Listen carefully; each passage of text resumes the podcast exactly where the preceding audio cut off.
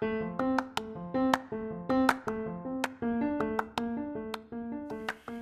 ho, terima kasih karena telah meluangkan waktu untuk mendengar.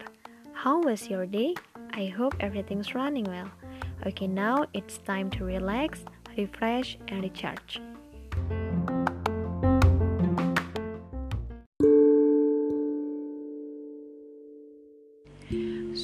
Pada malam ini aku bakal menceritakan salah satu kisah nyata yang cukup bikin aku terenyuh pas pertama kali baca. Uh, aku baca buku ini di salah satu buku bestseller karya Cahyo Satria Wijaya yang judulnya Inspirasi Tanpa Menggurui. Oke, langsung aja ini dia kisah Yuyuan, gadis kecil berhati baik. Pada tanggal 30 November tahun 1996 merupakan saat pertama di mana seorang laki-laki berumur 30 tahun menemukan bayi kecil di atas hamparan rumput. Bayi tersebut ditemukan kedinginan dan terdapat selembar kartu kecil yang bertuliskan 20 November pukul 12. Melihat bayi kecil ini menangis dan suaranya yang kian melemah, Lelaki ini pun berpikir bahwa bayi kecil ini bisa saja meninggal kapan pun apabila tidak segera diselamatkan. Dengan berat hati, lelaki ini memeluk bayi tersebut dan berkata, "Apa pun yang akan saya makan nanti, maka kamu pun juga akan ikut memakannya." Kemudian, bayi itu diberi nama Yu Yuan. Ini adalah kisah seorang pemuda yang berusaha membesarkan seorang anak tanpa ada ASI dan tidak mampu membeli susu bubuk. Ia hanya mampu memberi makan Yuyuan dengan air tajin atau air beras. Karena tidak diberi asupan gizi yang cukup, maka anak ini tumbuh menjadi lemah dan sering sakit-sakitan. Tetapi ia sangat penurut dan patuh. Musim silih berganti, Yuyuan tumbuh menjadi gadis yang pintar yang luar biasa. Para tetangga sering memuji kepintaran Yuyuan. Walaupun ia sering sakit-sakitan, mereka tetap menyukai Yuyuan. Di tengah ketakutan dan kecemasan ayahnya, Yuyuan tumbuh dewasa. Sedari kecil Yuyuan sudah hidup dalam kesusahan. Mulai dari umur lima tahun, ia mulai membantu ayahnya melakukan pekerjaan rumah. Mulai dari mencuci baju, memasak nasi, dan memotong rumput di halaman. Dia sadar ia berbeda dengan anak-anak yang lain yang memiliki orang tua yang lengkap, sedangkan dia hanya memiliki seorang ayah. Keluarga ini hanya mengandalkan dia dan ayahnya yang saling menopang. Dia harus menjadi anak yang penurut dan tidak boleh membuat ayahnya sedih dan marah. Pada saat masuk sekolah dasar pun, Yuan sudah sangat sadar bahwa ia harus belajar dengan giat dan menjadi anak yang pintar. Hal inilah yang membuat ayah Yuan yang tidak berpendidikan menjadi sangat bangga padanya. Ia juga sering bernyanyi atau sekedar menceritakan hal-hal lucu yang terjadi di sekolah kepada ayahnya. Setiap kali melihat senyuman ayahnya, Yuan merasa puas dan bahagia. Walaupun tidak seperti anak-anak yang lain yang memiliki mama, Yuan sangat bersyukur bisa hidup dengan seorang ayah yang sangat menyayanginya. Mulai dari bulan Mei 2005, Yuan mulai mengalami mimisan. Pada suatu pagi, saat Yuan sedang mencuci muka, ia menyadari bahwa air cuci mukanya sudah penuh dengan darah yang ternyata berasal dari hidungnya. Dengan berbagai cara tetap saja tidak bisa menghentikan pendarahan tersebut, sehingga ayahnya membawa Yuyuan ke puskesmas untuk disuntik. Tetapi sayangnya, bekas suntikan itu juga mengeluarkan darah dan tidak mau berhenti. Di pahanya mulai bermunculan bintik-bintik merah. Dokter tersebut menyarankan agar Yuan dibawa ke rumah sakit untuk diperiksa. Saat tiba di rumah sakit, Yuyuan tidak mendapatkan nomor antrian karena antriannya sudah panjang. Yuyuan hanya bisa duduk di kursi yang panjang untuk menutupi hidungnya. Darah yang keluar dari hidungnya bagaikan air yang mengalir sampai ke lantai. Dokter yang melihat hal ini segera membawa Yuyuan untuk diperiksa. Setelah diperiksa, dokter menyatakan bahwa Yuyuan terkena leukemia ganas.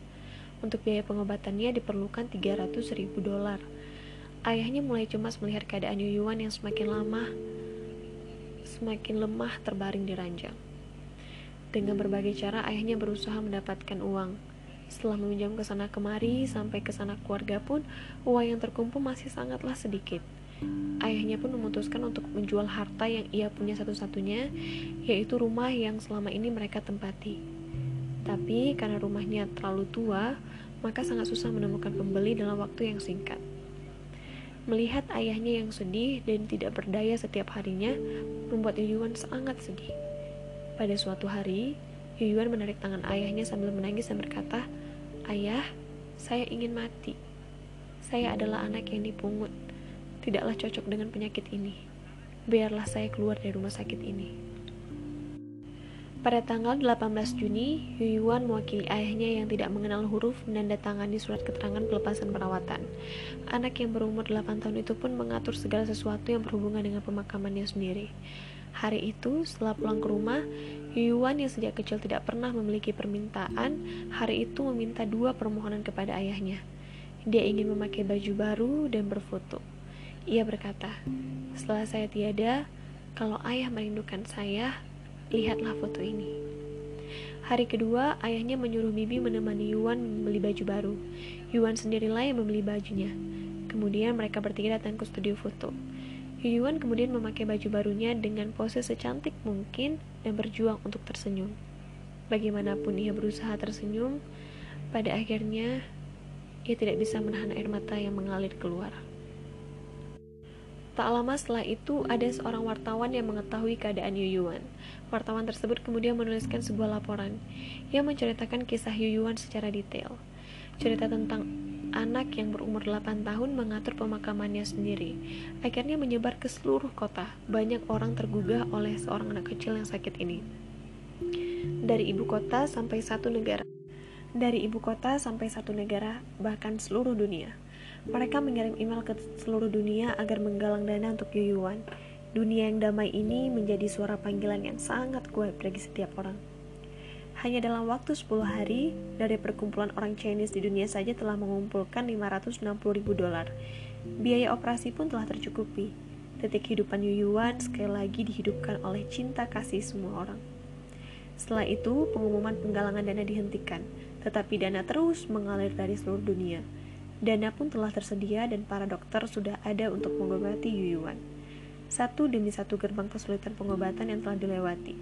Semua orang menunggu hari suksesnya Yuyuan. Ada seorang teman di email bahkan menulis, Yuyuan anakku tercinta, saya mengharapkan kesembuhanmu dan keluar dari rumah sakit. Saya mendoakanmu cepat kembali ke sekolah. Saya mendambakanmu bisa tumbuh besar dan sehat. Yuyuan anakku tercinta. Pada tanggal 21 Juni, Yuyuan yang telah melepaskan pengobatan dan menunggu kematian akhirnya dibawa, dibawa kembali ke ibu kota. Dana yang terkumpul membuat jiwa yang lemah ini memiliki harapan dan alasan untuk terus bertahan hidup. Yuyuan akhirnya menerima pengobatan dan dia sangat menderita di dalam sebuah pintu kaca tempat dia berobat. Yuyuan kemudian berbaring di ranjang dan diinfus. Ketegaran anak kecil ini membuat semua orang kagum padanya. Dokter yang menangani dia, Shimin, berkata, dalam proses terapi akan mendatangkan mual yang sangat hebat. Pada permulaan terapi, Yuan sering sekali muntah, tetapi Yuan tidak pernah mengeluh. Pada saat pertama kali melakukan pemeriksaan sumsum -sum tulang belakang, jarum suntik ditusukkan dari depan dadanya, tetapi Yuan tidak menangis dan tidak juga berteriak, bahkan tidak meneteskan air mata. Yuyuan yang dari lahir sampai maut menjemput tidak pernah mendapat kasih sayang seorang ibu. Pada saat dokter Simin menawarkan Yuyuan untuk menjadi anak perempuannya, air mata Yuyuan pun mengalir tak terbendung. Semua orang mendambakan sebuah keajaiban dan menunggu momen di mana Yuyuan hidup dan sembuh kembali. Banyak masyarakat datang dan menjenguk Yuyuan, dan banyak orang yang menanyakan kabar Yuyuan dari email. Selama dua bulan, Yuyuan melakukan terapi dan telah berjuang menerobos sembilan pintu maut. Pernah mengalami pendarahan di pencernaan dan selalu selamat dari bencana. Sampai akhirnya, darah putih dari tubuh Yuyuan sudah bisa terkontrol. Semua orang-orang pun menunggu kabar baik dari kesembuhan Yuyuan. Tetapi, efek samping yang dikeluarkan oleh obat-obat terapi sangatlah menakutkan. Apalagi dibandingkan dengan anak-anak leukemia yang lain, fisik Yuyuan jauh sangat lemah setelah melewati operasi tersebut, fisik Yuan semakin lemah. Pada tanggal 20 Agustus, Yuan bertanya kepada salah seorang wartawan, Tante, kenapa mereka mau menyumbangkan dana untuk saya? Tanya Yuan kepada wartawan tersebut. Wartawan tersebut menjawab, karena mereka semua adalah orang yang baik hati.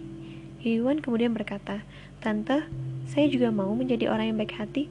Wartawan itu pun menjawab, kamu memang orang yang baik hati. Orang baik harus saling membantu agar bisa berubah menjadi semakin baik.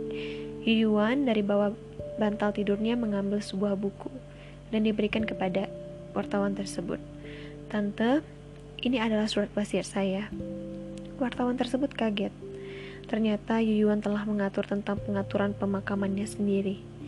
Ini adalah seorang anak yang berumur 8 tahun yang sedang menghadapi sebuah kematian dan di atas ranjang menulis tiga halaman surat wasiat.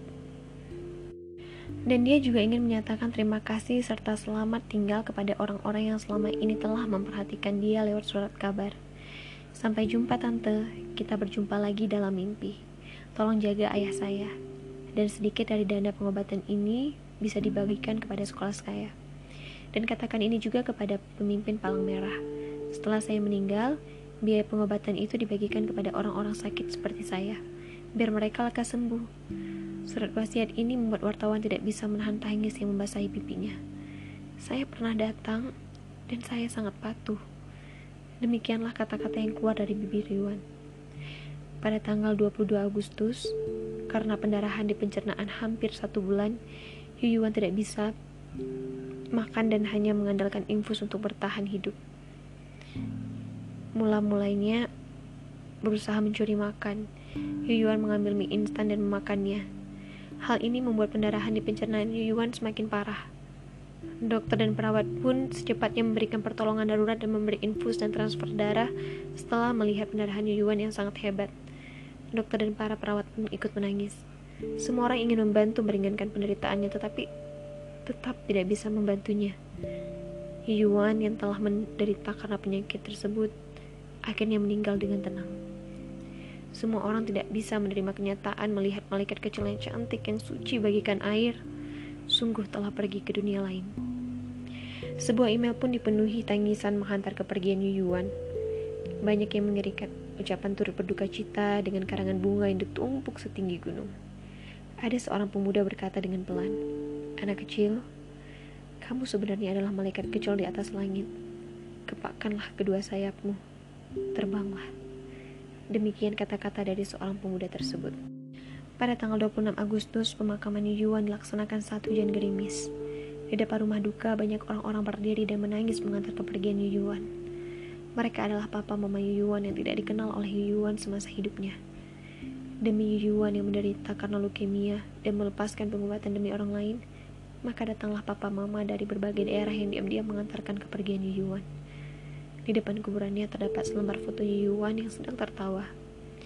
Di atas batu nisannya tertulis, Aku pernah datang, dan aku sangat patuh. Dan di belakangnya terukir perjalanan singkat riwayat hidup Yuan. Dua kalimat terakhir adalah di saat dia masih hidup telah menerima kehangatan dari dunia. Beristirahatlah gadis kecilku. Nirwana akan menjadi lebih ceria dengan adanya dirimu. Sesuai pesan dari Yuan, sisa dana 540 ribu dolar tersebut disumbangkan kepada anak-anak penderita leukemia lainnya. Tujuh anak kecil yang kasihan ini semua berasal dari keluarga yang tidak mampu. Mereka adalah anak-anak miskin yang berjuang melawan kematian.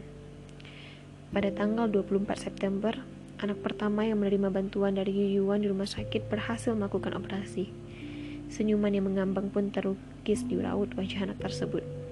Saya telah menerima bantuan dari kehidupan Anda, Terima kasih adik Yuyuan. Kamu pasti sedang melihat kami di atas sana. Jangan risau. Kelak di batu nisan kami juga akan memikirnya dengan kata-kata, Aku pernah datang dan aku sangat patuh. Dari kisah Yuyuan ini kita bisa melihat bagaimana Yuyuan sangat menerima keadaan, di mana dirinya harus menderita leukemia pada umur 8 tahun. Tapi dia tidak mengeluh, tidak menangis, walaupun pengobatan yang dia lakukan cukuplah berat dia tetap berjuang sebisa dan semampunya. Bahkan ketika seakan nyawanya di ujung tanduk, ia tetap tersenyum seolah baik-baik saja. Ketegaran dan keikhlasan hati gadis kecil inilah yang mengantarkannya pada kecintaan berbagai orang di dunia. Orang-orang yang senantiasa mengirimkan kasih sayang dan bentuk perhatian mereka dengan sedikit banyak menyumbangkan dana untuk biaya pengobatan Yuan. Di tengah sakitnya pun ia masih memikirkan orang lain, masih sempat memikirkan bantuan untuk anak-anak yang sekiranya merasakan sakit atau yang sedang berjuang seperti dirinya untuk bisa sembuh. Sungguh luas hatinya. Kebesaran dan keikhlasan hati inilah yang membuat Yuan tenang sampai di ujung hayatnya. Ikhlas tempatnya di hati. Saat hati seseorang menjadi baik dengan ikhlas, maka anggota badan yang lain ikut menjadi baik. Oke, okay, mungkin itu aja untuk malam ini dan kisahnya sangat panjang karena ini adalah kisah nyata yang terjadi beberapa tahun ke belakang. Jadi itu aja mungkin and see ya.